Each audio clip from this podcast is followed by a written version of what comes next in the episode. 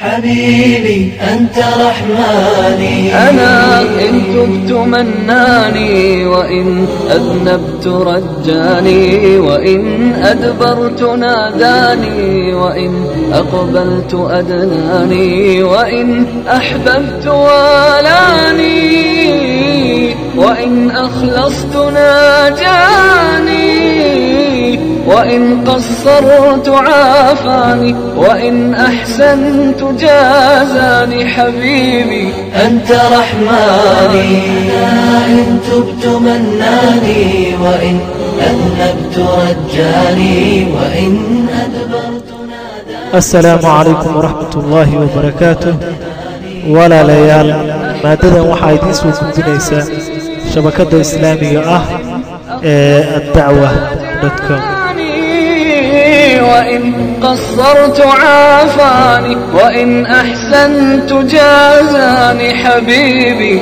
أنت رحماني إن تبت مناني وإن أذنبت رجاني وإن أدبرت ناداني وإن أقبلت إن الحمد لله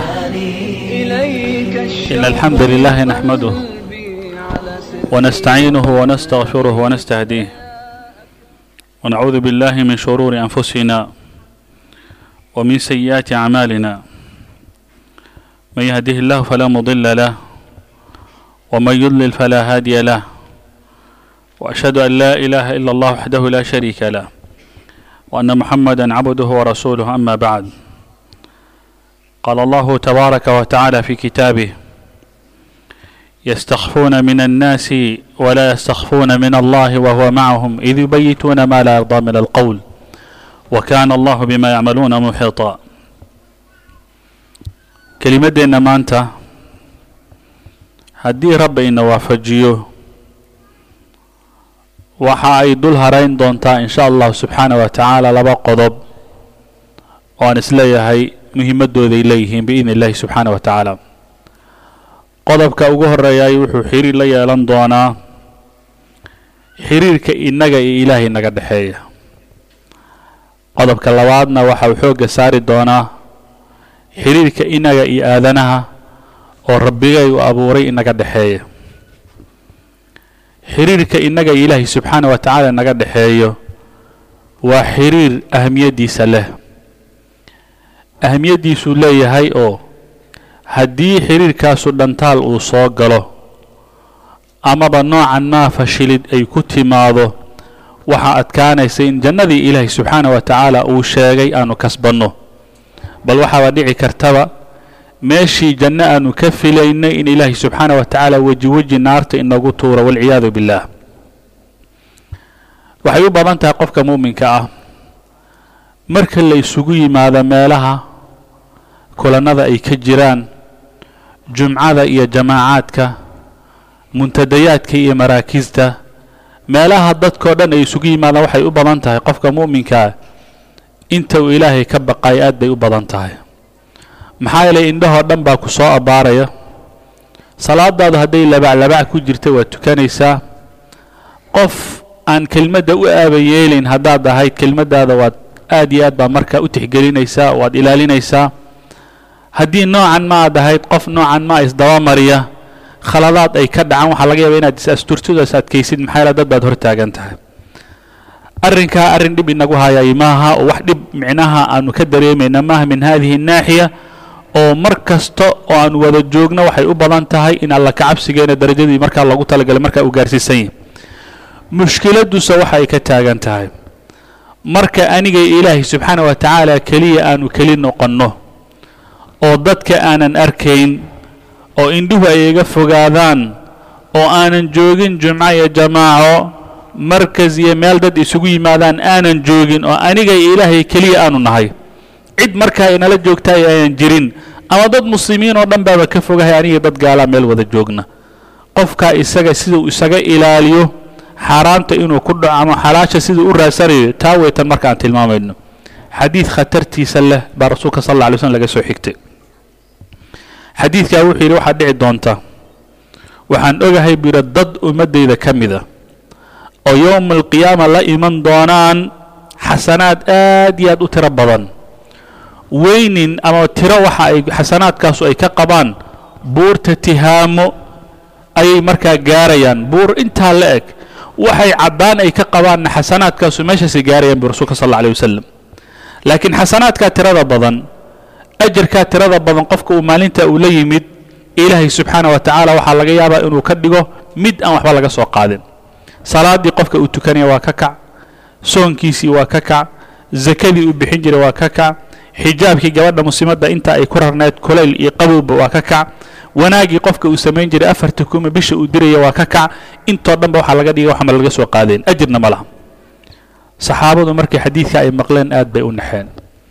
Waxay yidhaahdeen nin iyaga ka mida oo thawbaan lagu magacaaba ayaa farta intuu taagay wuxu uhi yaa rasuula allah dadka aad ka hadashay oo aad leedahay yowma alqiyaama waxay iman doonaan iyagoo xambaarsan xasanaad intaa la eg oo buurta gaaraya oo buuraha gaari kara oo waxa ay caddaan iyo weyninba ay ka qabaan isla markaana yowma alqiyaama waxba aanan laga soo qaadayn. Dadka sidaa noqon doona rasuul allow noo sifee markaasuu rasuulka sala allahu alayh wasalam wuxuu yidhi kuwa aan ka hadlay waa walaalihiin buu yidhi dad idinka aad isku harag isku maqaar isku duub aad tihiin weeye waa dad salaatuleylka tukada sidaad idinkuba u tukataan. Salaatuleylkay tukadaan sidaad idinkaba u tukataan. Maalintana khayraadka way la yimaadaan. Wax alla wixii wanaaga aad samaysaan way sameeyaan. Laakiin hal mushkilad baa dadka haysata. Mushkiladaas waxay tahay markii ay gaar noqdaan oo ay ka fogaadaan dadka indhahooda oo muslimiinta aanay u jeedin iyaga iyo gaalada iyaga iyo dadka aanan muslimiinta ahayn markay keliyaystaan wax alla wixii diina way ku tuntaan uma aba yeelaan. Xadiidkaas xadiid sahlan maaha. Wuxuuna barayaa nolosheen iyadu markaa double standardka ah. Marna qofka uu muslimiinta markuu joogo weji uu leeyahay markuu gaalada ula joogana weji kale uu leeyahay markuu dadka muslimiinta uu ku dhex jirana weji qofka uu leeyahay markuu keligii uu yahayna weji uu leeyahay marka la leeyahay hebel waa wala socdaana uu aad iyo aad u baqayo marka uu is leeyahay dadka ku arki mayaanna wuxuu doona marka uu sameeyo. Xadiidkaabaa haysa xadiid khatartiisa lahwe saa darteed culimmadu waxay yidhaahdeen waxaa badan aayadaha ku soo aroora uu ilaahay subxaana wa tacaala uu leeyahay yakhshawna rabbahum bilghayb. Kelimata alghayb macnaheeda waxay tahay adoo ilaahay subxaana wa tacaala aanu kuu muuqan. Adiga uma jeedo laakiin ilahay subxaana wa tacala wuu ku arkayaa fain lam takun taraahu fainahu yaraak haddaadan adiga labadaada indhood ilaahay subxaana wa tacala aadan ku arki karin ilahay wuu ku arkayaa. Hunaa marka dadka waxay ku kala tageen marka laleeyahy dadkaasu waxay la saf noqdeen ambiyadii ama marka laleeyahy dadkaas waxay galeen jannaata rabbi alcaalamiin ama dadkaas waxay mustaseen jannatu alfirdowsi marka la leeyahay wax kale maaha waxay dadka ku kala tageen qofka markuu keligii uu joogay inuu yidhahdo ilahay subxana wa tacala baa ii jeeda. Cumar bn khadaab hadda ka hor wuxuu soo maray wiil xayn arya meel marka ku haysta markaasuu wuxuu yidhi maad iga iibaysid ridan meesha joogta. Markaasuu yidhi maya diyaar uma ihi maxaa yeele ninka iska ninka iska lahaa igu aaminay yacnii iima fasixin inaan marka aan iibiyo. Markaasuu wuxuu yidhi maad tiraahdid cumar bn khadaab marka imtixaamaya maxaad ugu dhihi weyday ridii waa la cunay waraabaa soo weeraray yeybaa cunto waa lala tegey anna iga iibi buu yidhi. Markaasuu yidhi maya haddii ninka aanu ii muuqan buu yidhi rabbu haada alghanami wa rabbu haada alrajuli ninkan alaabta ii dhiibta ama xoolaha aniga igu ammaanaysa rabbigiisa. Iyo aniga rabbigaybaa ii jeeda buu yidhi. Cumar bn khadaab markaasuu aad iyo aad u farxay wuxuu yidhi haddii ummadda ninkan oo kale laga helo ummadda waxay u badan tahay inay marka ay gaarto wax alla markaa raadinaysay allah subxaana wa tacala qur'aanka wuxuu ku yidhi wakafaa birabbika bidunuubi cibaadihi khabiiran basiiran. Ilaahay subxaana wa tacaala isagaa og isagaa kaaga filan in uu koobo oo uu gun ogaado oo asaas iyo sal iyo baarba ula socdo qofka bini aadamka wuxuu samaynaya addoommadiisa. Dadka markaad la joogtid weji gaara aad leedahay. Marka gaalada aad la joogtid weji gaara aad leedahay. Marka muslimiinta markaad la joogto weji gaara aad leedahay. Keligaa markaad joogtid markaad weji gaara aad leedahay ilahay subxana wa tacala ula socdaa ogow kelimadda aanan khayrka ahayn afkaaga markay ka soo baxayso adoo isleh noocan maa cid kuu jeedaaya ma laha ilahay subxana wa tacala inuu kula socdo waraaqahan aanu buuxinno ee dowladda aanu u dirno oo cid kula socotaaya aanay jirin laakiin waxaad ku buuxinaysa ay tahay separation waxaad ku buuxinaysa ay tahay been waxaad ku buuxinaysa ay tahay hadalla adiga aad samaysatay ogow allah subxaana wa tacala wuu la socdaa. Haddii xataa markaa wax aad saxiixaysay saxiixaas uu yahay saxiix cusub hore aan laguga oqoon ilaahay subxaana wa tacala wuu la socdaa.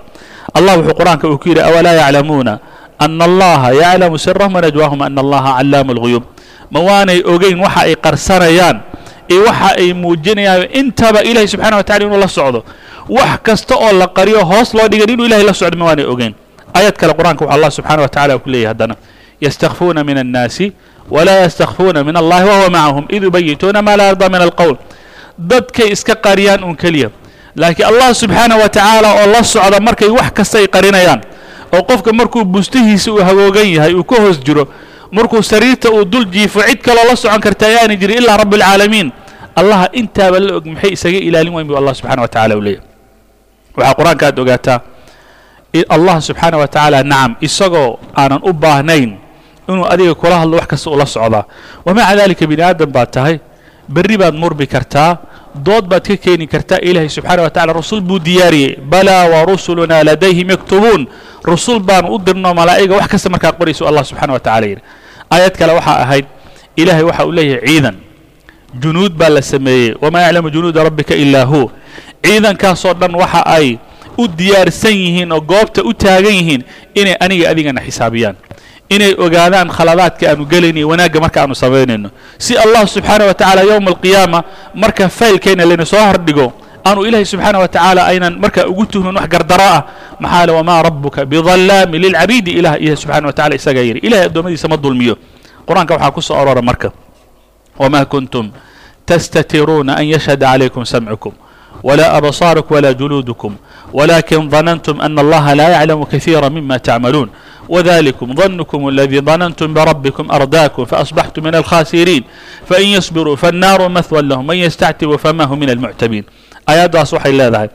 Markaad adduunyada aad joogteen wax kasta waa iska qarin jirteen laakiin weligaa kuma fakerin dhegtaada iska qari.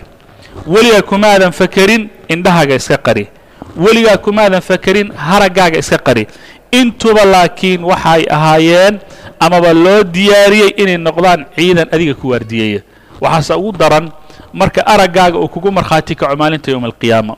Markuu indhahaaga ay meesha la soo mutaxnaadaan rabbo waxaan aragnay hebel ama heblo oo khalad samaynayo meeshaa ku dhacaya rabbo waxaan aragnay dhagaha oo xumi lagu dhegaysanaya rabbo waxaan aragnay haragga oo si khaldan marka loo isticmaalayo. Waxaan aragnay iyada oo make upka loo marsada meel khaldan meeshii loogu talagalay gabadha muslimadda inay guriga ay la joogto bay ziinadeeda muujin jirtay markay dibadda u baxaysay isguduudin jirtay. Yaa raba alcaalamiin indhakuusha loogu talagalay guriga keliya in lagu marsado gabadha gurigeeda aanay kala bixin baa inta la mariyo aa dibadda lala mari jiray. Yaa raba alcaalamiin haraggii uu hadlayaa waxay ahayd aniga in jilbaab la isaaray ahayd in lay asturay dharkan jirkan in lay asturuu ahaa saasuu leeyahy allah subxana wa tacala buu la hadlayaa. Harigi baa wuxuu le waxay ahayd in lay asturo in jilbaab la isaaro yaa raba alcaalamiin meeshii jilbaab la isaari lahaa goono dheggan iyo jiinis isku kaduudan iyo cambuur markaa meel kastaba muujinaya iyo mara liishaa jirka markaa muujinaysa iyo wax alla wixii ilaahay subxaana wa tacaala xarime baa la isaaray jirka marka isaga hadlaya mar haddii marka allah subxaana wa tacala le alyawma nakhtimu calى afwaahihim watukallimuna aydiihim watashhadu arjulhum bima kanuu waatan allah subxana wa tacala maanta waqtigi waxaa la gaaray. Afkaa laynaga sharootayna waana laga xirayaa yaa hadlaya tukallimuna aydiihim gacmaha hadlaya. Watashhadu arjuluhum lugihii baa markhaati kacaya intuba way hadli doonaan yowma alqiyama marka la gaaro walidalika rasuulka sal alla alay slm xadiid fara badan buu marka ku sheegay xubin walba ee jirkeena ka mida marka ay markhaati kacaysa bimacnaa waa maxay? Xubnahan marka adiga ilaahay uu ku siiyey ee lagugu talagalay somehow inay noqdaan kuwa hawshaada aad ku fushatid xubnahan waxaa loo baahan yahay inaad adiga iska ilaalisid intay inaytay markaa kugu markhaati kicin yowma alqiyama inta aanay kugu markhaati kicin yowma alqiyama iska ilaali. Saas darteed ishaada ha aaminin oo ogow yowma alqiyaama. Haddii meel kale ay aadda ilahay isagaa ku yidhi fii suurahi fii suuratin min qur'aanka wuxuu ku yidhi yaclamu khaa'inata alacyuni wamaa tukhfi suduur ilahay isha wax khiyaamaysan wuu la socdaa. Laabta waxaa ku kaydsan oo ay qarinaysaan allah subxana wa tacala wuu la socdaa ilahay qur'aanka isagaa ku tilmaama gacmuhu marka inay hadli doonaan wamaa khalaq waatan uu ley walaqad khalaqna alinsana wanaclamu ma tuwaswisu bihi nafsuh wanaxnu aqrabu ilayhi min xabli lwariid xitaa nafsadaada waxay kugu sheekaynayso hadala waxa qalbigaaga ku wareegaya oo aad leedahay hebel ma dulmisaa mise waa iska daysaa khaladkan ma gashaa mise waa iska daysaa? Waxaan ma samaysaa mise waad ka tagtaa? Xitaa qofka markuu labalabaynayo allah subxaana wa tacala wuxuu leey wax kas waa la soconnaa xididka halbowlaha ayaan ugaga dhownaha bu allah subxana wa tacala leh intaa marka waxay muujinayaan duruusaas oo dhanba inuu qofka allah subxaana wa tacaala marka ayan dadka aanay kuu jeedin oo aanayna arkaynin dadka aan ka dhex baxsannahay in ilahay keliya aanu ka baqno keliya maaha marka dadka indhaha nagu hayaan keliya inaan dhahno musaafaxada iyo gacangelinta ninka iyo naagta markay isgacangelinayaan waa xaaraam. Laakiin labada gees markaan milicso aan arkay inaan dadka meesha aanay ka muuqan inaan gacantii dara maaha. Allah subxaana wa tacala waa xaaraantinimeeyey dadka markay ii jeedaan un keliya inaan aniga hawoognaado laakiin marka aan meelaha maraya keligay aanahay xaflad kale aan joogay inaan diracaysnaado iyaduna diin maaha. Wa haadihi kulluha waxay ka mid tahay waxyaabaha ilahi subxana wa tacala u diinta islaamkana munaafiq waxaa munaafiq lagu magacaabay. Maxaa yeelay dhanna wuxuu muujistaa iimaankii dhanna wuxuu muujistaa kufrigii. Markuu muslimiinta uu la joogana inaa macakum. Waidaa khalow ilaa shayaaiinihim qaaluu inaa macakum inamaa naxnu mustahzi'uun. Marka uu u taga shayaaiinta iyo kuwii xumaana inagu idinkaanu idinla jirnaa kuwa shaqo kuma lihi waatan qur'aanka uu leeyahy qur'aanka allah subxana wa tacala wuxuu ku yidhi inamaa tundiru man itabaca adikraa wakhashya araxmana bilghaybi fabashirhu bimakfiratin waajrin kariim. Waxaad u digaysaa nebi maxamedow qofka hanuunkan raacay xuska ilaahay raacay ilaahayna ka baqay isagoo aanan u muuqan qofka sidaas oo kalea dembi dhaaf iyo ajir weyn waxaad dhici karta marmarka qaarkii adoo gurigaaga jooga ama adoo awood u leh inaad xumidii aad samaysid xumida adoo samayn kara ayaa waxaad leedahay allah subxaana wa tacala baa ii jeeda oo iska daynaya walidaalika toddobada yowma alqiyama ilahi subxaana wa tacala oo halaynaya maxaa ka mid a warajulu dakara allaha khaaliyan fafaadat caynaa. Qof keligii isagoo joogay intuu ilaahay subxaana wa tacaala xusuustay indhihiisu markay ilimeeyeen dadka ilaahay subxaana wa tacala harayn doona yowma alqiyama waxaa ka mid a rajulun dacathu imra'atun daatu nasabin wa jamaal faqaala inii akhaafu allah. Nin ay haweenay wax kasta u dhan yihiin ay tiri kaale xumi aan samaynaya may ilahi subxana wa tacala aan ka baqaya gabar muslimadoo xumi loogu yaroo tiri ilahi subxana wa tacala aan ka baqaya ogow ajra ajirka laga helo. Xaaladda allah subxaana wa tacaala adiga keliya isku keliyaysataan oo bini aadamka aanu kuu joogin aanu kuu jeedin isla markaana khayrkii aad la timaada xumidana iska ilaalisa waxay ka mid tahay waxyaabaha ugu sarray darajaadka marka lagu gaaro. Adoo awood u leh salaadaha dhan inaad isku dardatay ama aadan tukan. Adoo awood u leh in qofkii khalad kugu sameeyay inaad ka aargoosatay adoo awood u leh. Adoo awood u leh adoon lagu arkayn email gaara inaad samaysood ku caytantid. Adoo awood u leh nambarkaaga inaad qariso waxaad doonto qofka aad ku tidhaahdid. Adoo awood u leh inaad codkaaga aad badashid. Adoo awood u leh inaad soo geshid paltoga qofkaad doontid waxaad doonta aad ka sheegtid. Ayaa waxaa leedahay allah subxaana wa tacala baa ii jeeda. Taqwadaas iyo khashyadaas waa midda aan u baahannaha nolosheena markaa ka maqan. Khaasatan dadkeenan meelaha runtii noloshooda wax badan meelahan marka ku bixiya waxaa naga maqan arrintaa baa naga maqan walidaalika arag camalka. Maxaa rasuulka sala allahu alayh wasalam xadiid bu wuxuu ku yidhi? Allah baa xadiid alqudsi wuxuu ku yidhi alsawmu lii wa ana ajzi bihi. Soonka anaa iskale anaana abaal marinaya allah subxana wa tacala soo salaadii ma laha soo zakadii ma laha so umuurtan kale aanu samayn o dhan so allah subxana wa tacala ma laha. Waay leesh allah subxaana wa tacala soonka si gaara ugu qaatay?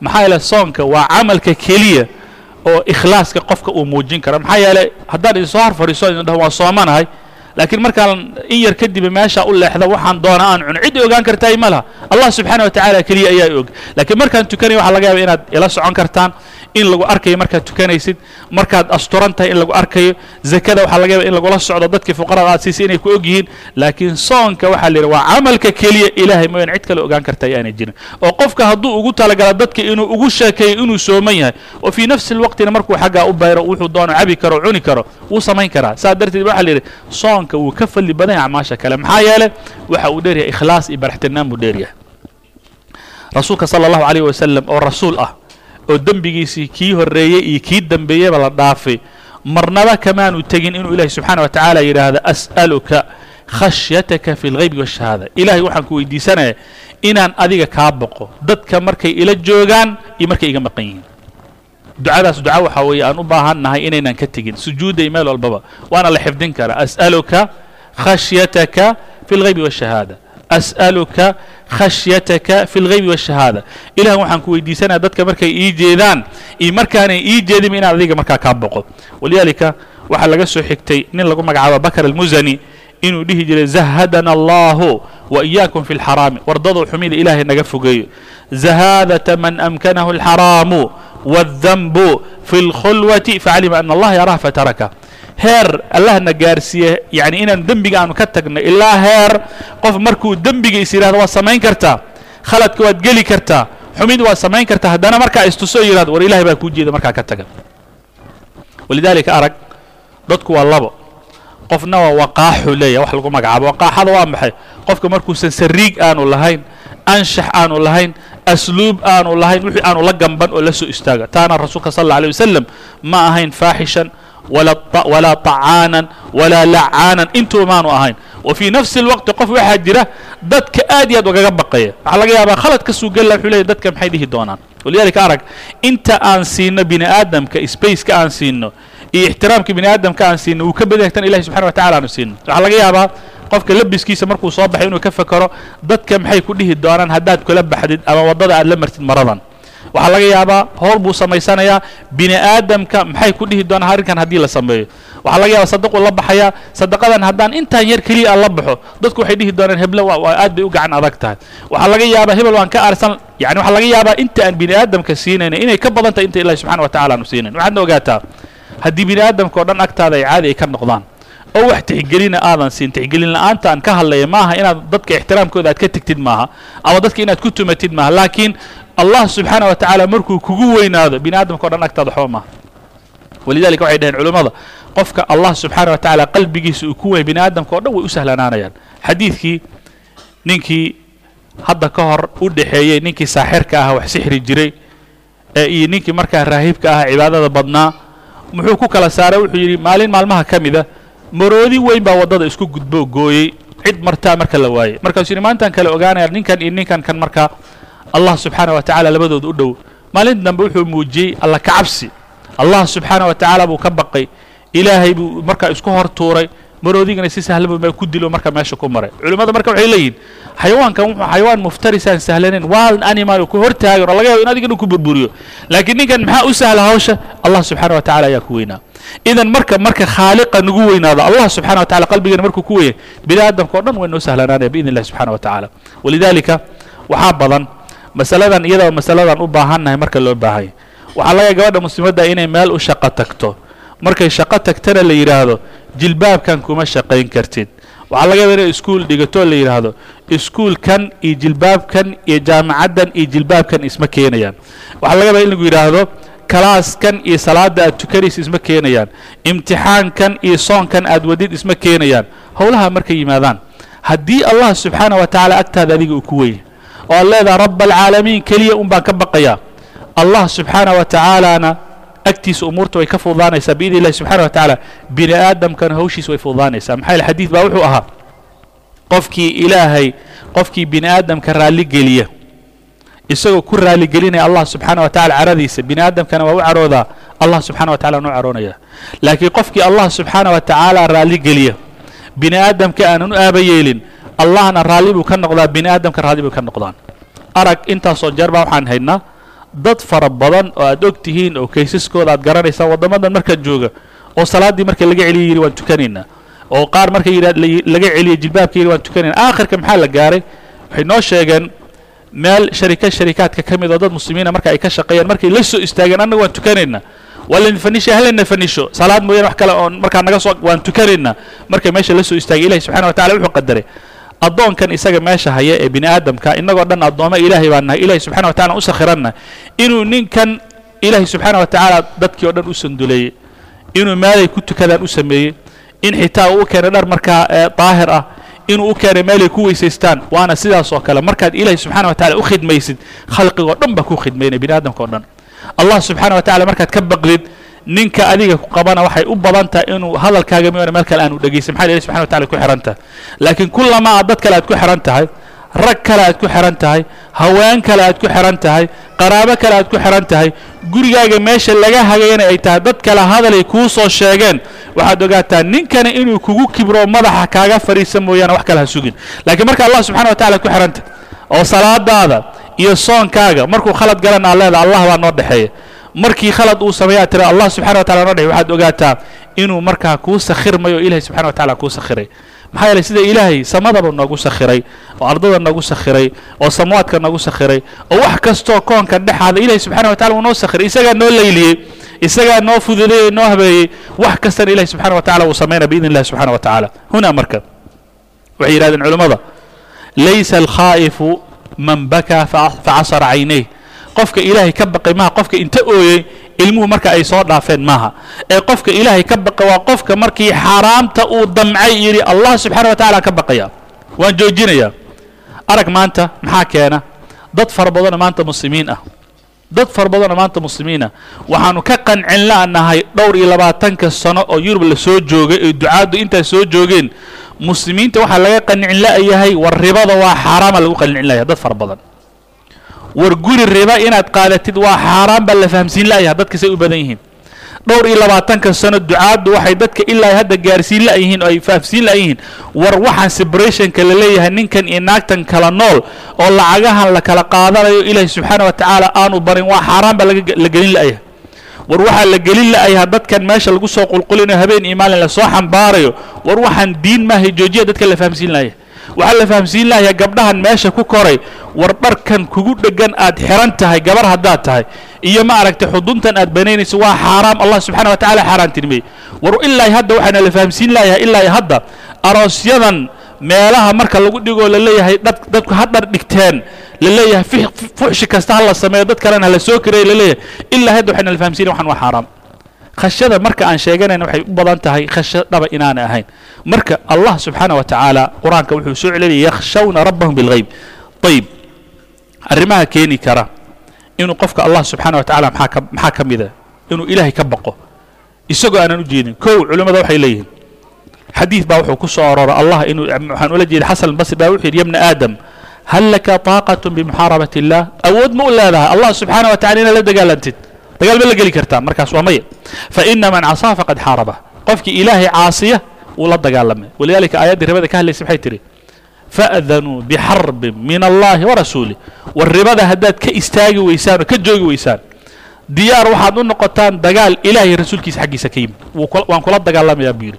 Inta gashay oo guryaha uu ka gubtay xad ma laha. Inta gashay ee buufiska uu ku dhacay nin iyo naag xad ma laha. Inta jinka iyo isha iyo sixirka uu raacay xad ma laha inta isla hadlaysaay xad ma laha. Inta guryahooda uu baaba'ay xad ma laha. Inta ciyaalkooda la qaatay xad ma laha. Waxaana markaa dib u dabageshid aad baartid waxaa kuu soo baxaya khaladaadka allah subxana wa tacala ka baqnay. Ogow khalad yar markaan galno waxaa laynagala dagaalamayaa min akthar min maydaan. Intaasoo jabhaad baa nala dagaalamaysa oo indhahagaa kula dagaalamaya daaf baa ilahay kugu ridaya oo dhegahaagaa kula dagaalamaya dhega jiglaad noqonaysa oo gacmahaa kula dagaalamaya gacmahaad wax ka qabsan karin oo lagaha kula dagaalamaya romatism baa ku hortaagan war adigoo dhan baa waxaad noqonaysaa ciidan dhan baa allah subxana wa tacala kugu soo sallidaya intana waxaa loogaga badbaadi karaa taqwa allahi jala wacala. Waa fi siri wacalaaniya wuxuu yidhi wahab ibn alwird wuxuu yidhi khafi illaha calaa qadri qudratihi calayk. Ilaahay ka baq adoo ugaga baqaya adoo og awoodda ilahay subxana wa tacala ku leeyahay ilaahay ka xisho adoo og awoodda ilahay subxana wa tacala marka uu leeyahy walidalika waxay dhahaan alasmaa wasifaat magacyada ilaahay oo la yidhi qofka kooba ee weelaya jannadu gelaya axaadiidu ay tilmaantay. Oo tiradu ay ka bateen sagaashan iyo sagaalna aanay ku koobnayn waxaa ka mida waxaan soo celinaha alsamiic albasiir maanta su'aasha haddaan idin dhex dhigo cid igu qabsan kartaa inaanay jirin baa u malayn ilahi subxana wa tacala inuu wax maqlo waxna arko suu doona wax u maqlo suu doona wax u arko. Ayib haddaan ogahay in ilahi subxaana wa tacaala arko iyo maqlo labada arrimood haddaan ogahay keliya inta kaleba meel aan dhiga ah ma waanu arrinkaa igu bixinayn allah subxana wa tacala inaan ka baqo fi siri walcalan markuu marka dadka ii jeedaan markaan la ii jeedin. Waxay culimmadu yidhaahdeen waxaad arkaysaa qof weyn baa ilmo yar markii meeshan ay ku soo ag fadhiistaan. Khalida markaad samaysa inaad tiraahd wiilkaa indhaha nagu haya naga jooji ama inaad tiraahad gabadhii baa indhaha nagu haysa naga jooji. Ama inaad tira ilmahan ama markaa warkan meelaha faafiya inaad baqdid bay u badanta. Laakiin ka war allah subxaana wa tacaala marka uu indhaha uu kugu hayo. Fii kulli laxda xataa aayaduhu waxay tilmaamaan yaclamu mutaqallabakum wamahwaakum markaan gadgadoomayno iyo markaan meel ku negnahay allah subxana wa tacala inta wuu nala socdaa. Waxyaabaha waxaa ka mida. Ay culimmadu marka ay sheegeen. Abu darda hadaliisa waxaa ka mida. Liyattaqi axadukum an talcanahu quluubu اlmu'miniina walaa yashcur yakhluu bimacaasi illaahi fayulqi allahu lahu اlbuqda fi quluubi اlmu'miniin wardadow iska ilaaliya in quluubta quluubta mu'miniinta ay idin lacnado qalbi kasta ee mu'mina kan africa jooga ee austraaliya jooga america jooga carabaha jooga meel kasta jooga ku lacnadaya muxuu ku lacnadayaa maxaa yeele waxaa laga yaabaa iyadoo dadka aanay kuu jeedin baad xumi samaynaysaa qofkii kaa soo horbaxan uu ku lacnadayaa arag marka cudurradan meesha jira. Waxaad arkaysaa ma marka qaarkii inuu leeyahay dadkoo dhan aniga maanta isoo fiirinaya. Dadkoo dhan waa ay necab yihiin. Dadkoo dhan baa iga daba shaqaynaya. Dad baa iska kay daba dhigtay meelaan ka baxaan la ahay. Afar labaatanka sac telefoonkayga la dhegaysanaya afar labaatanka sac masaje meelay ka yimaadeen baanan arkayn. Iimayladeeda xataa dad baa hortaagan waxaan u malaynayaa afar labaatanka sac waxaan uu sheeganaya wax kale maaha. Qofka markuu dembi uu galo ilaahay subxaana wa tacala waswaasaas ku ridaya waana arrimaha aan aragnay. Walidaalika maadaama dadkeenan meesha joogna aan ka dembi badannaha dadka meelaha kala jooga ilan adin bay maqlayaan oo salaad baa la tukanayaa oo jumco iyo jamaacaad jirta oo xalaal iyo xaaraan baa jirta oo dastuur iyo khayraad la isku haga ayaa jira. Maxaa inaga keliya situationkeen uu kaga duwan yahay qolyaha kale situationkooda wax kale maaha maxaa yeele waa in intaanu ka demi badanno ilahi subxana wa tacala aan ka fogan ka fognahay walidalika sulaymaan attaymi hadaladiisa waxaa ka mida ina arajula layusiibu الdanba fi الsiri fayusbixu calayhi madallatu waxay u badan tahay qofka adoon lagu arkayn markaa dembi aad geshid yowma maalinta subaxi marka la gaaro dembigaa dulligiisa wejigaaga ka muuqanaya isma ogid adiga laakiin dadka way aqrisanayaan walidalika muxuu yihi rasuulka sala allahu alayh wasalam laba ruuxoo saaxiibo ah oo weligood wada socda ama laba ruuxoo isqaba oo intaas soo wada noolaa ilaahi subxaana wa tacaala markuu kala geynaya wuxuu ku kala geynayaa dembi ruux iyaga ka mida uu galay.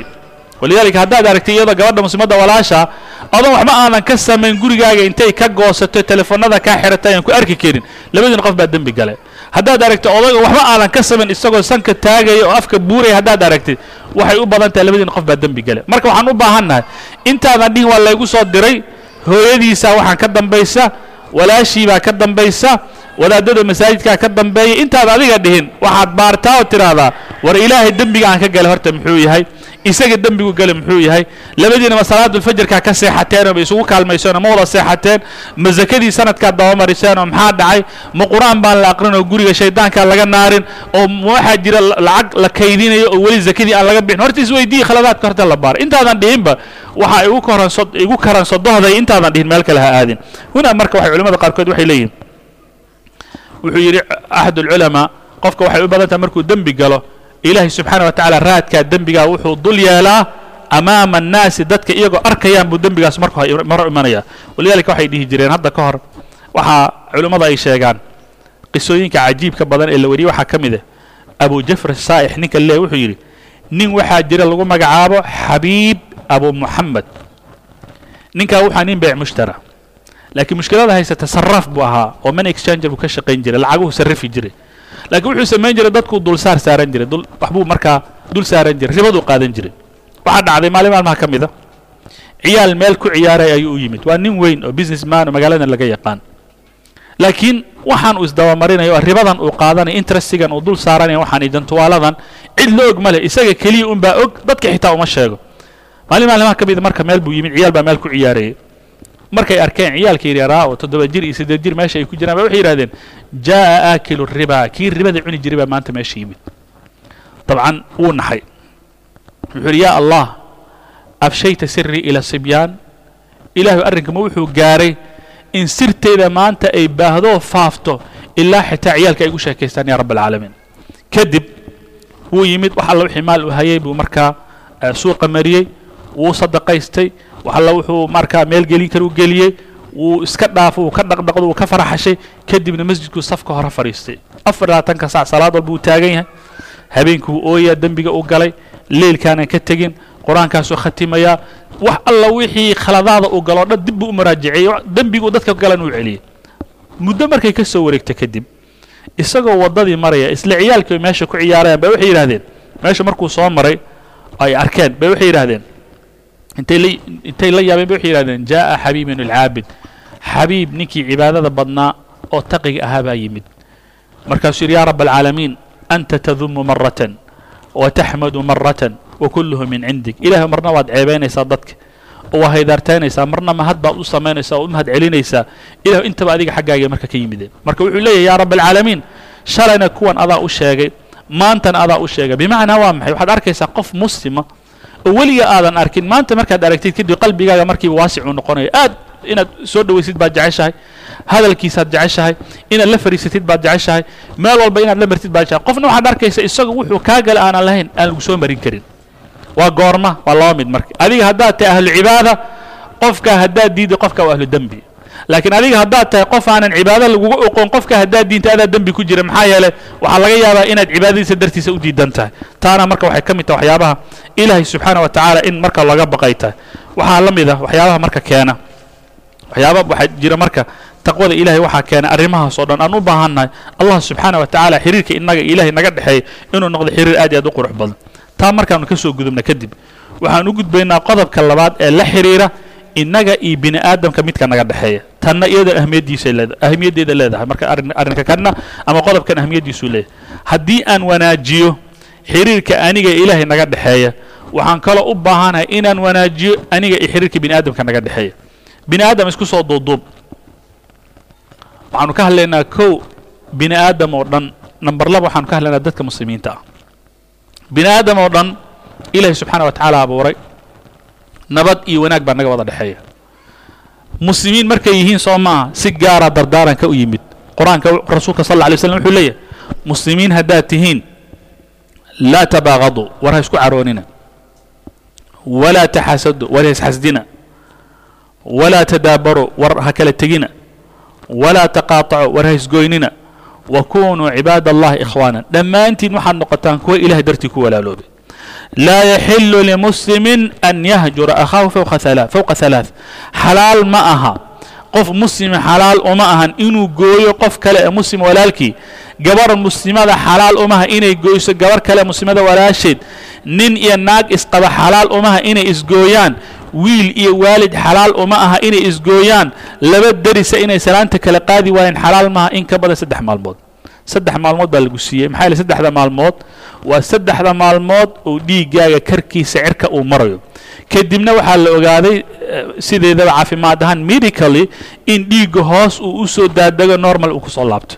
Saddexdaa maalmood haddaad doontid adiga iskuuskuus haddaad doontid maaragtay maaragtay sanka taag haddaad doontid dadka ka dhuumo meeshaad doontid ka bax laakiin bac halaaثat ayaam saddex maalmood markay dhammaato kadib waxaa lagaga baahan yahay inaad caadigaa ku soo laabatid walidaalika nin baa marka rasuulka sal lla alay slm ya rasuula allah waan ogahay qaraabada hala xiriiriya nacam waa arrin markaa diinta marka ka mid a. Anna waan xiriiriya lakiin mushkilada haysataa waxay tahay waan xiriiriyaa waan wanaajiyaa meeshaad ka dhihi leed lacag baan u diraa afar labaatanka saa biilkoodaan aan dabaraa telefoon baan u diraa waan ka warhayaa markii wax loo baahdaan u qaaraama wax kastaan sameeya lakiin mushkilada jirtaa waxay tahay inta aniga unbay daba shaqaynayaan inta aniga unbay iga daba shaqaynayaan. Wanaaggaan samey xumi baa lagu bedelaya shilin baan diraya cay baa ii imanaysa. Wax kastaan samayna waa laga daba shaqaynaya maxaan sameeya rasuul allah rasuulka sal alla alay slam ma dhihin saxan saxan ku gud ma dhihin oo u jawaab ma dhihin oo wuxuu yidhi fakaana in kunta kama taquul. Nin yahow hadalka aad sheegaysid sida aad u sheegaysid hadduu yahay. Rasuulka sal alla alay slam nooca ma logically waxaa ku jira hab ah. Yani macquul maa qofka markaad wanaajisid inuu xumi kugu soo bedelo. Maxaa waxay u badan tahay.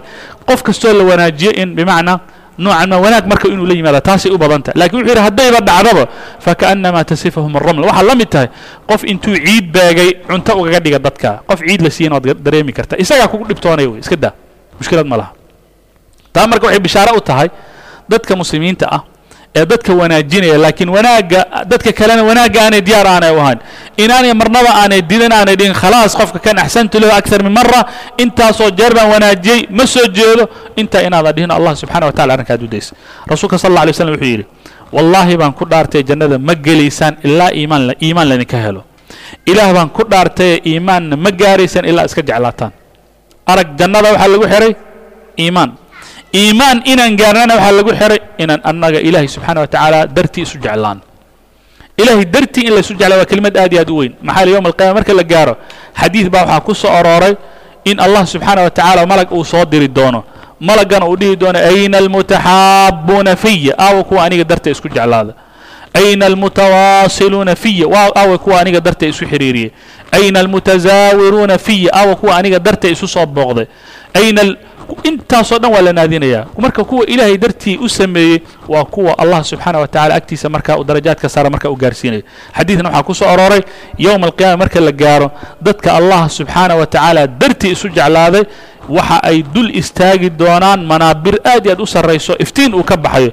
Yaqbituhum annabiyuuna waashuhadaa waxaa jantoo jeclaada booska ay taagan yihiin waxaa u hanqaltaaga ambiyada iyo dadka shuhadada yani meel uu nebi uu milicsan lahaa u dhihi lahaa yaareed meeshaas haddii la gaari lahaa waa darajada lagu gaaro allah subxana wa tala ilahay dartii qofka inaad jeclaato. Ilahay dartii jecelkiisa waa maxay? Jecelka allah subxana wa tacaala waxaa loola jeedaa waxa aad samaynaysa ilahay dartii u samey. Adoo qofka ka necab oo diidan oo noocan maa xurguuf idinka dhexayso qabiil iyo tol wax isku kiin keeni kara aanay jirin. Aad og tahay qofka dadka ugu dhibka badan inuu yahay. Aad og tahay intaasoo jeer gurigaaga in laga shaqeeyey. Aad og tahay ninkaaga inay kaa furtay. Aad og tahay ninkaaga inay naago kale ku dartay. Aad og tahay inay afar labaatanka sac lugooyey iyo dhib un kuligii kaga daba shaqaysa waxaad leedahay ilahay dartii waan xiriirinaya. Ilahay dartii macnihiis waa saas. Taasaan u fahamsanahay. Ilaahay dartii baan u goynaa bimacnaa. Qofkan qaraabaa naga dhexaysa tol baan nahay waa qof aad iyo aad u wanaagsan. Wax kastaa naga dhexeeya laakiin maadaama hebla ama hebel aanu tukan maadaama hebla ama hebel markaa ribada ay ku dhaqmaan ilahay dartii baan labadaa qof u goynaya macnaheedu waa sidaas. Laakiin ilahay dartii maaha aniga wixii dantayda ah keliya ayaan ku fushanay ilahay dartii baan u samaynay macnaheeda maaha. Taana marka masale muhiimadeeda leh rasuulka sal lla ly slm wuxuu ku yidhi marka la weydiiyey dadkii ugu fadli badan.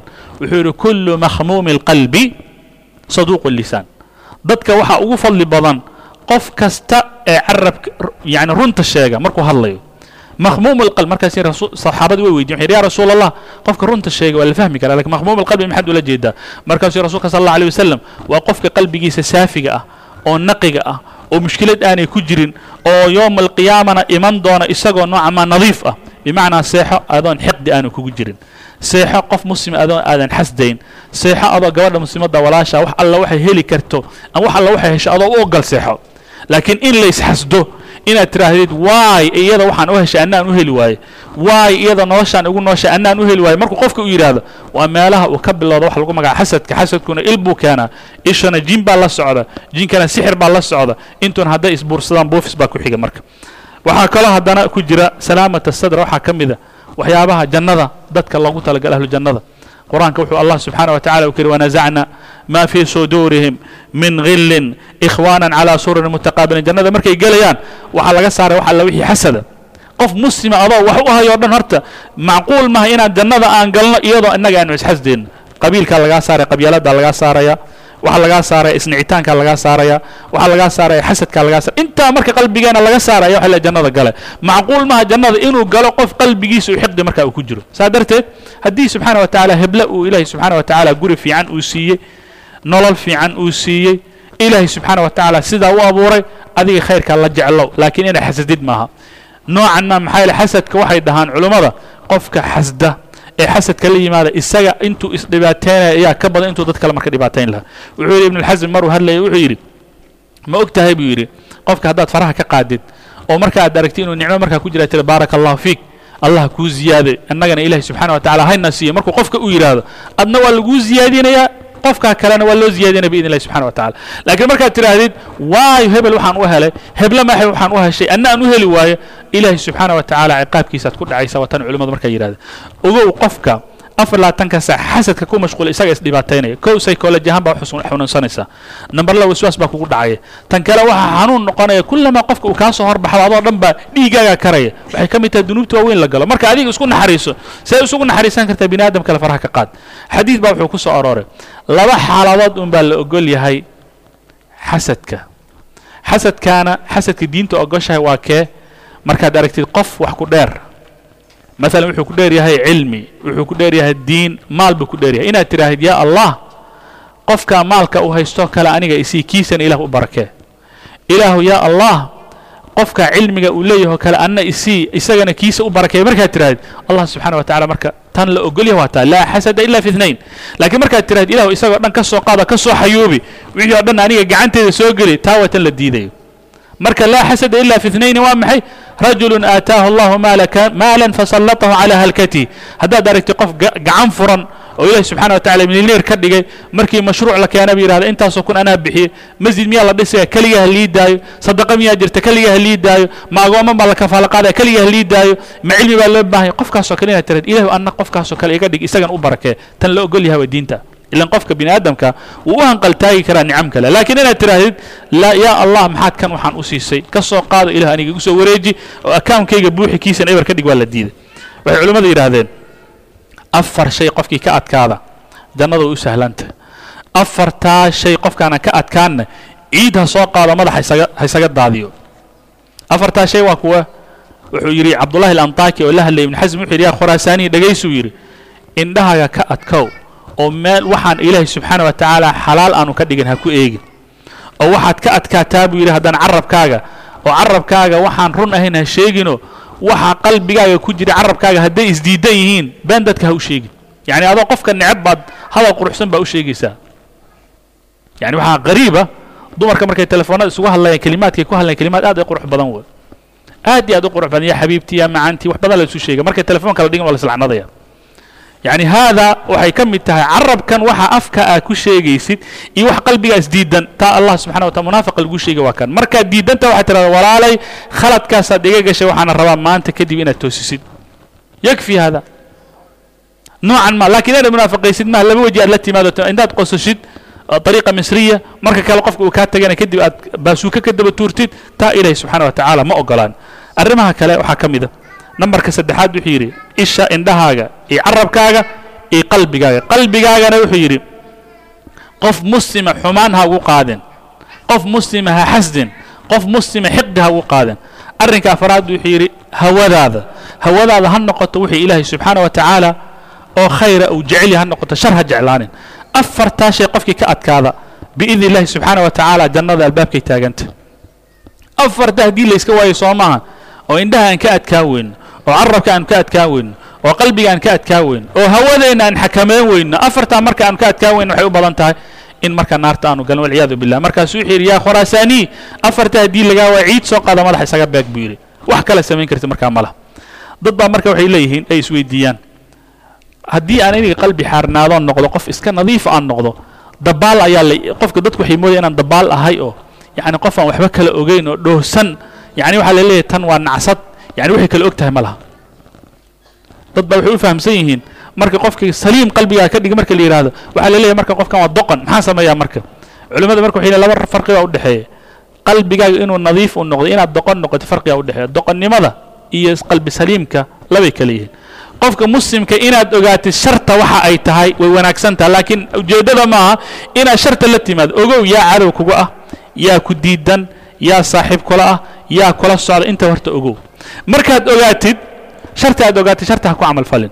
Taa marka arrinkaa arrin bannaan wey diiniyan laakiin macnaheeda maa markaan ogaado qofkan baa i diidan in aniga la dagaalamo macnaheeda maa markaan ogaado qol qoladan baa dagaal nagala dhexeeya inaan dagaal la gala macnaheeda maa sharta waan ogaanayaa oo ma ihi to that extent inaan qof stupid ahay waxba aanan kala fahmayn wax kasta waan la socdaa laakiin waxaan leeyahay iyadoo xumidii aan ogahay haddana qofka ilahay dartii u cafinaya cumar bn khadaab wuxuu lastu bikhib'in wala alkhib yakhdacunii ma ihi buu yidhi nin dhoohan ma ihi oo doqana ma ihi nin doqanana aniga ima dagi kara buu yidhi. Kasta waan la socdaa buu yidhi.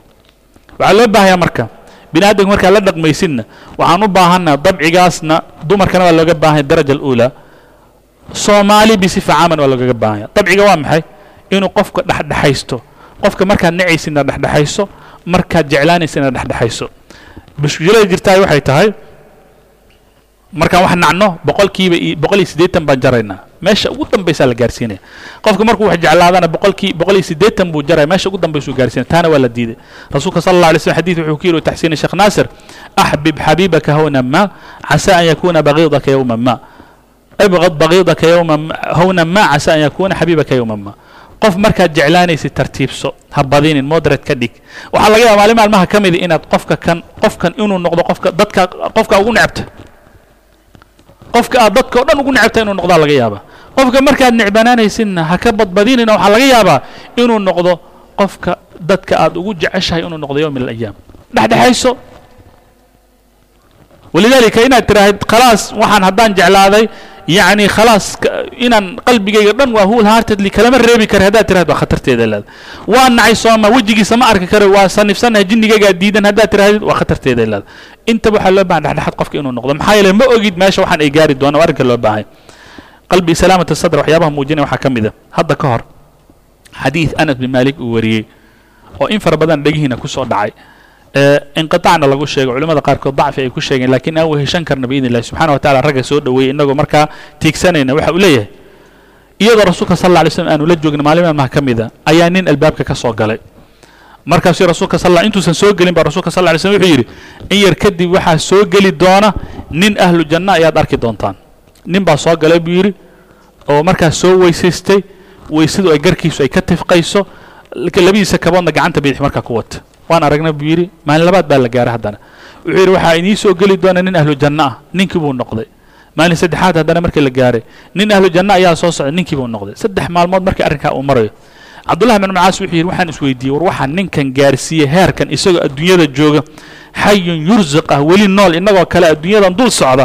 In uu gaaro heer ah in la yidhaahdo waa ahlu janna isagoo weli nool. How come siduu ku gaaray darajadaas? Waa inaan ka dabagalaa buu yidhi. Kadib ninkii buu u tegey wuxuu yidhi hebelow aniga aabbahay baa waxna dhex mareen waa isfahmi weynay caawa waxaa igu adag inaan hela meelaan seexda marka ma ii ogolaan lahayd inaan kula joogo. Markaasuu yidhi soo dhowow mushkilad ma leh wuu la fadhiistay dabcan ujeeddada waxay ka tahay ninkan wuxuu rabaa inuu ninkan ka daba tago. Meeshii markii la soo dhoweeyey oo la marti sooray saddex habeen markuu meesha uu joogay buu wuxuu arkay cumar cabdullahi bin camr caas wuxuu yidhi ninka waxaan arkay buu yidhi waa nin caadiya salaad ziyaada lama yimaado soon gaara kuma arkin cibaado ka baxsan cibaadada annaga aan samayno kuma arkin waa nin caadiya sida dadka u tukadaan buu tukadaa shantaasuu tukadaa hal shay un baa ku arkay buu yidhi allailahay marka uu sariirtiisa uu tago oo faraashkiisa gogashiisa uu tago uu dharka iska bixiyo ayuu wuxuu yidhaahdaa ilahay subxana wa tacala xusa. Inta un baan ku arka buu yidhi. Laakiin camal kale sadaqa ziyaada ah soon gaar ah salaatuleyl la tukado qur'aan maantana la khatimo kuma arkin buu yidhi. Kadib waan la yaabay. Waxaan hebelow wax kale kuuma soo raacin buu yidhi. Horta waxaan kuu sheegay wax kama jirin. Oo ah in aniga aabbahay wax naga dhexeyn wax naga dhexeeya ma lahan buu yidhi waxaa meesha iika iikaa keenay wax kale maaha waxaan maqlay rasuulka sal alla alay wasalam uu saddex jeer saddex maalmood saddex meel iyadoo la jooga uu leeyahay hebel waa ahlu janno. Nin waxaan u baahanahay buu yidhi waxaa heerkan aad ku gaartay. Hadalkaa markuu yidhi kadib ayuu wuxuu yidhi uu hadlo wuxuu yidhi anugu wuxuu yidhi intaa un baan sameeya wax kale ma hayo. Cumar cabdullahi bin camr caas markuu yidhi markaan iska sii tegi raba buu ii yeeray wuxuu yidhi wax kale ma intaa waxaan ku gaara yidhi weligay ma seexan yidhi gogasheeda ma tegin. Anoo qof muslima qalbigayga xumi uga haya. Intaa un baan ku gaara yidhi ninkan nool weli adduunyadan jooga ee wax cunayo cabaya oo innagoo kale ah oo saxaabada xitaa magaciisa aanay oqoon oo alcashara almubashariina biljanna tobankii jannada loogu bishaarayay aanan ahayn ayaa waxaa la yidhi ahlu janna wax kale maaha isagoo qalbigiisa nadiifa unbuu seexdaa wax kale maaha min isagana culaysku iska dejiyayo dhibaato isma gaarsiin dad kalena dhibaato ma gaarsiin. Intaa un baa lagama baahanya jannada albaabkiisa ugu dhowdaha arag. Way dhowdaha inta keliya lagaaga baahan waa maxay? Hebla waan kugu gafay ilaahay dartii iyo cafi wasalaamu calaykum. Maanta laga bilaabana khalaas new page baa furmaya aniga adiga. Intaa loo baahanya hebel waan kugu gafay khalaas nolol cusub. Labada ruuxa isqaba nolol cusub. Labada ruuxee walaalaha nolol cusub dadka kala foga qaaraadka kala degan nolol cusub. Inta loo baahan waxa adiga seexo adna hays dhibaatayna dad kalena ha dhibaateen intaa haddii la helo iska sahlanta. Su'aasha imanaysaa waxay tahay maxaa keeni kara dadku inay isxagxagtaan? Quluubtuna ay iyadu noqoto mid iyadu bugta oo dadkuna aanay noocan maa seexan karin ilaa inay qalbiga xumi isugu hayaan mooyaan. Dhowr arrimood baa keeni kara. Kow horta shaydaan baa ka dambeeya oo qur'aanka allah subxana wa tacala wuxuu kiri waqul licibaadii yaquulu alatii hiya axsan ina ashayطaana yanzaqu baynahum allah subxana wa tacala qur'anka waxuu ku yidhi markaa wada hadlaysaan addoommadeeda waxaad ku tiraahdaa hadalka aad sheegaysaan hadal wanaagsan ha noqdo. Maxaa yeele shaydaan baa ka dambeeya oo sarrifaya hadalka. Macaani kale buu u samaynaya meelo kale uu kala dhacayaaye. Intaan heerkaa la gaarin hadal wanaagsan afkiina ha ka soo baxu bur allah subxana wa tacala u bimacnaa waa maxay? Shaydaanka meelaha naga soo geli kara waa inaan oodno oo ah markaan wada hadlayna hadalkaan isu wanaajinno. Markaan wada dhaqmayna dhaqanka aan wadaajinno aan wanaajinno inta loo baahan waa intaa gabadha muslimadda walaashaa magacay jecesha ayaa jira magaca ugu yeer hadal jecesha ayaa jira hadalkaa ugu yeer waqti ay jeceshahay ayaa jira in guriga loogu taga u tag. Waxay jeceshahay hawl aanay jeclayn baa jirta oo ay noocan ma aanay soo dhoweyn ha u keenin. Khayrkay jeceshahay khayrka ugu kaalmee. Meelaha xun ka intaa keliya kula dhaqan wey waa hunaa walidaalika markaan meelaha isugu nimaan hadalkan waa inaan dooranno laakiin inuu qofku iska hadlo oo noocan ma markuu hadlo kadib kaftan baa iga ahayd ka joogsa iyo noocan ma aniga inaan ku dhaawaco lama jeedin don't feel offended iyo hawshaas looma baahna. Kow ka fiirsa kelmadda. Walidalika rasulka sal lla alay wuxuu yidhi shaydaan wuxuu ka quustay in jasiirat alcarab lagu caabudo. Mar dambe lama caabudayo dadka o dhan ila tawxiid bay qaateen. Laakiin hal shay shaydaan kama quusan ilaa haddana uu ku shaqeeya. Waa maxay inuu dadka muslimiinta isku diro? Waxba adoon qofkan aadan u geysan isaga aanu kuu geysan iyadii aanay kuu geysan baa waxaa laga yaba inaad kala didaan maxali shaydaan baa meesha ka dambeeya. Rasuulka sala allahu alayh wasalam meelaha shaydaanka uu naga soo galo nagala hadlo wuxuu yidhi caradaha la iska yareeyo. Yaan la xanaaqin. Laa taqdab laa taqdab laa taqdab. Maxaa yeele qofka mar kasta uu caroodo shaydaanka si sahlan buu u soo gelaya rasuul sala alه wasalam markuu arka ninka intuu carooday wejigiisa isbedelay isaga dhan marka afka wax kale ka keenay oo noocan ma halbowlayaashiisa ay kaceen rasulka sal sl xadii uu ku yidhi waxaan ogahay kelimad ninkan hadduu yidhaahdo oo waxa haya marka uu dayn laha waa maxay kelimad audu billah min shaytan rajim intaasaa ku filan. Acudu billah min shaytan rajiim. Qofka markuu yahay intaasaa kugu filan. Walidaalika غadabka wuxuu keenaa shaydaan inuu ka dambeeyo. Waxaad arkaysaa guryaha waxay ku baaba'aan one minute. Waxaa badan inta jeer oo nimanka iyagoo ashtaka ah ay yimaadaan masjidka iyo markaska su'aasha ay qabaanna waxaa ugu weyn su'aasha ah albaabka anoo ka soo bixi rabay kuleytiga igu dhegtay waxay tiri saddexdeeda meesha hala dhigo. Midii bay soo qaadato waa ii hanjabto waxay tiri saddexdeeda meesha hala dhigo. Waxaana laga yaabaa markuu yidhahda saddexdaada waa qabtaa fatwada inay iyada raadiso tara sheekhow saddexda wadaadka u caraysnaaye hal xaba ma laga dhigi karaa iyadaa raadinaysa fatwada markana iyada kuleytiga ku dheganayd leesh muxuu waxaan u dhacaya maxaa yeele waxa ay nolosheeda dhan ku soo koobtay hal daqiiqa iyo laba daqiiqa caraysantahay kama fakerin caradanu marka ay tagto oo burto maxaa meesha iman doona qofka kama fakerin marka waa inaan ka fakerin after maxaa dhici doona marka qofka carada ay tagto? Taaba midda ugu muhiimsan waxyaabaha dadka isku dira waxaa ka mid a hadallada la kala qaado. Ilaahay qur'aanka wuxuu ku yidhi hamaazin mashaa'in binamiim ninkaa marka laga hadlaya waxa waa nin dadka isku dirdira hadallada dadka u kala rara. Xadiidna wuxuu ahaa laa yadkhulu ljannata qataad jannada ma geleedo qofka dadka isku dirdira qataadna waxaa loola jeeda namaam jannadaba ma gelay baa rasuulka sal lla ly slm xadidka waa xadiidka wada xifdisantihiin hadallada la kala qaada waa maxay? Hadalka la kala waa hadalka aad ula jeedid shar. Shar baad ula jeeda waxaad rabtaa dab iyo benziin inaad isku shidi labada ruux ay kala haadaan. Laakiin hadduu hadalka uu yahay hadal wanaagsanoo heble ay sheegtay haddaad heble u keentid ama aad tidhahdid beri baa maaragtay heble waxay tiri beri baa muxaadaro jirta waa khayr kaa lama diidin. Waxaa la diiday inaad tidhahdid hadalkaas bay ku tiri waxaabay sheegaysay ulama jeeda wallahi alcadiim bay raacinaysaa. Ulama jeeda inaan runtii isku kiin diro laakiin xaqa in la sheega waa khasab bay ku leedahay. Ayi xaq haada xaqay ka hadlaysaa. Xaq maaha labada ruux baa madaxa isku gelisay oo noocan ma ma waad isku dirtay xaqa in la sheegay eega tahay maaha. Waad isku dirtay labada ruux. Taa waxay ka mid tahay waxyaabaha allah subxaana wa tacala uu ka carooda waxaa ka mid ah xasadka xasadka xadiid waxaa ku soo arooray in xasadka uu xasanaadka cuno sida dabka iyo naartaba ay xabada u cunto qof yar marka muslim markaad nicmada uu haysta aad u diidan tahay xasanaadkaaga maanis gelaya rasuulka sal alla lay slm sidaasuu sheegay. Waxyaabaha waxaa ka mid a dadka isku dira adduunyada oo lagu tartamo. Anaa sidaana iyo anaa sidaana iyo. Adduunyada markaad ku tartartaano yaa shilin badan iyo yaa dahab badan iyo tee aroos wanaagsan dhigatay iyo waa la len maxaa yeelay marka aad ku fakaraysid inaad tidhahdo walaashay arooska loo dhigay waa inuu ka wanaagsanaado hebla arooska ay dhigatay. Ama kan aniga aan dhiganayo waa inuu ka wanagsan markaad leedahay xan bilaabanaysa ilan subax baa telefoon gelaysa. Waxaad leedahay xala maxaa la soo xirtay? Maxaa la cunay? Intee la keenay? Intee la fariisiyey? Duruuc noocee ka shaqaynaysay? Yaa la keenay? Oo qolyihii kalena ood u dhammaynaysa maxaa atanaafus cala dunya meeshaas naga soo geli kartaa baana jaanibka ugu daran. Waxyaabaha waxaa keenoo kale. Qofka inuu kursi iyo ku fakero fudayl ibn ciyaadna wuxuu yidhi qofka markuu ku fakeray inuu madax uu noqdo xasad buu la yimaadaa dadkuu gardaraystaa ceebahooda raacraacaa wuxuuna diidaa dadka kale in wanaag lagu sheego. Waxyaabaha keena waxaa ka mid a shaydaanka. Oo dadka inay kala didaan kaftanka tirada badan xadka aanan lahayn. Weli kaftanada ku salaysan reeraha marka lagu kaftamayo kaftanada ku salaysan maalan waxyaabaha qofka cirdigiisa sharaftiisa gaarka waxay ka mid tahay waxyaabaha dadka ku tagaan. Kaftan hala kaftamo rasuulka sal ly kaftami jiray. Beenna kuma kaftami jiray laakiin kaftanku inuu gaara maa heer ruuxa kale markaa waxyaabahii privatekiisa u soo daadegtid maaha taana waxyaabaha khatartay ka mid tahay.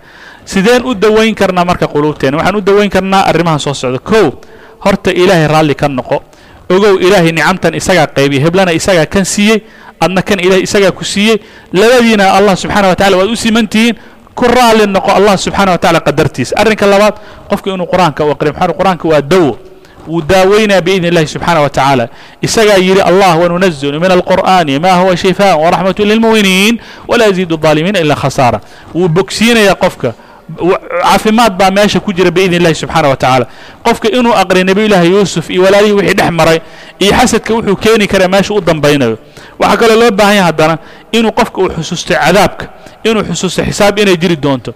Waxyaabaha daweeye waxaa ka mida baryada ilahi subxana wa tacala la baryo qur-aanka waxaa ku soo ora wاladiina jaءuu min bacdihim yaquuluuna rabbana اغfir lana wlikhwanina aladiina sabaquuna bاliiman wla tajcal fii quluubina gila liladiina aamanuu rabbana inaka ra'uuf raxiim dadka muminiintoo gadaal ka yimid waxay ilaahi subxaana wa tacaala u baryaan dadka muslimiinta walaalahooda ka horreeya waxay yidhahdaan ilahu dembigooda dhaaf qalbigeenna xumiha yeelin ilahu qalbigeena xumiha gelin waxay ka mid tahay waxyaabaha loo baahay haddaad aragtid noocan maa inaad dhibsanaysidna qof muslima ilaahay bari waxyaabaha lagu daweeyey waxaa ka mid a sadaqada fara badan sadaqada fara badan oo lala baxaaye waxay ka mid tahay waxyaabaha qalbiga uu nadiifka ku noqdo biidn illahi subxaana wa tacaala waxaa kaloo u baahanay inaad ku baraarugto qofkan aad dhibaysid inuu inaad ogaatid maaha yahuudi maaha masiixina maaha yahuudiyad maaha masiixiyadna maaha waa qof muslima waa gabar muslimada walaashaa waana nin muslima walaalka inaad ogaatid. Waxyaabaha la isku daweeyey waxaa ka mid salaanta tirada badan. Assalaamu calaykum assalaamu calaykum oo telefoon u diro bareedi oo binooca ma salaan oo xalay maxaad ku barideen dheh oo isbitaallada isku soo booqda oo meelaha khayrka badan isku soo booqda sharta un keliya isku soo booqanina khayrka keliya isku soo khayrka keliya. Waana waxyaabaha loo baahay rasuulka sal lla slam xadid wuxuu ku yidhi ilaah baan ku dhaartaye jannada ma gelaysaan ilaa iimaan in laydinka hela mooyaane. Iimaan an laydinka heli ilaa iska jeclaataan mooyaane. War ma idiin sheegaa arrin haddaad samaysaan is jeclaanaysa. Markaasina ha yaa rasuul allah salaanta badii buu rasuulka sal alla alay wasalam waxyaabaha daweeye waxaa ka mid iska daa dadka muslimka ah ceebahooda ha raacraacin. Noocan maa meel baa la yimid waad ka maqnayd goobjoog maadan ahayn waxa ka dhacay ha waraysanin subixi waxba telefoonkan teleogan freega ah ha ku waraysanin iska daa ha wicin heblaha dhihin assalaamu calaykum maxaa xala ka dhaca dhihin? Iska daa wixii waa tageen. Maxaa min xusni alislaami almar'i tarkuhu maa laa yacni. Islaamkaaga wanaaggiisa wuxuu ku jiraa waxaan ku khusayn inaad faraha kala baxda waxaa kaloo ka mid a dadka khayrka la jeclo. Maxaa xadiid baa wuxuu ahaa laa wallahi laa yu'min waladii nafsii biyadi laa yu'minu axadukum xataa yuxiba liakhiihi maa yuxibu linafsihi. Qofka iimaan lagama helin ilaa uu qofka muslimka walaalkii ula jeclaanayo wuxuu nafsadiisa la jeceliya waxyaabaha waxaa ka mid a inaadan xumida aadan dhegaysan xanta lagu keena inaad tirahda iga jooji maxay culimada waxay yidhahdeen qofka adiga war kuu keena adna war uu kaa geynaya saa darteed waxaad tidhahdaa war heblow warkan aamano balla dhuqdhuq leedahay iga jooji. Hebelow xir sheekadan telefoonkan iga jooji. Si aad adiga aad u badbaadid rasuulka sal alay slam wuxuu dhihi jiray war saxaabada yaan war xun laygaga soo sheegin waxaan jeclahay dhammaantood inuu qalbigayga marka u fayoobaado buu rasuulka sal alay slam u yidhi. Waxyaabaha lagu daweyn kara waxaa ka mid a maadaama waxaan qalbiga ay ka soo fulaan rugna qalbiga u yahay qalbiga afar labaatanka sac in laga shaqeeyo inuu marka nadiif u noqdo. Waxyaabaha lagu daweeye waxaa ka mid a labada ruux markaad aragtiin nooca ma xiriirkooda uu xumaaday ama adiga iyo hebel ama adiga iyo heblo markiiba deg dego isku day in markaa heshiis meesha u yimaado. Waxaad tidhahdaa aniga iyo heblo waan isfahmi la'nahay aniga hebel waan isfahmi maaragti waan isfahmi weyne helan hana la dhexdhexaadiyo. Rasuulka sala allahu alayh wasalam isagaa yidhi war ma sheegaa wax ka fadli badan soonka iyo salaada iyo sadaqada markaas yidhahdeen haa dadka ha la buu rasuulka sal alla alay wasalam yidhi labada arrimood haddii lanaga helo waa mido. Xiriirka annaga ilaahi subxana wa tacala naga dhexeeya haddaan wanaajinno innagii kan aadanaha waxay ka mid tahay waxyaabaha raaxada inoo soo jiidaya qalbigan in raaxo dareemo jannada ilaahi subxaana wa tacala inoo furaya wa ilaahuna billahi towfiiq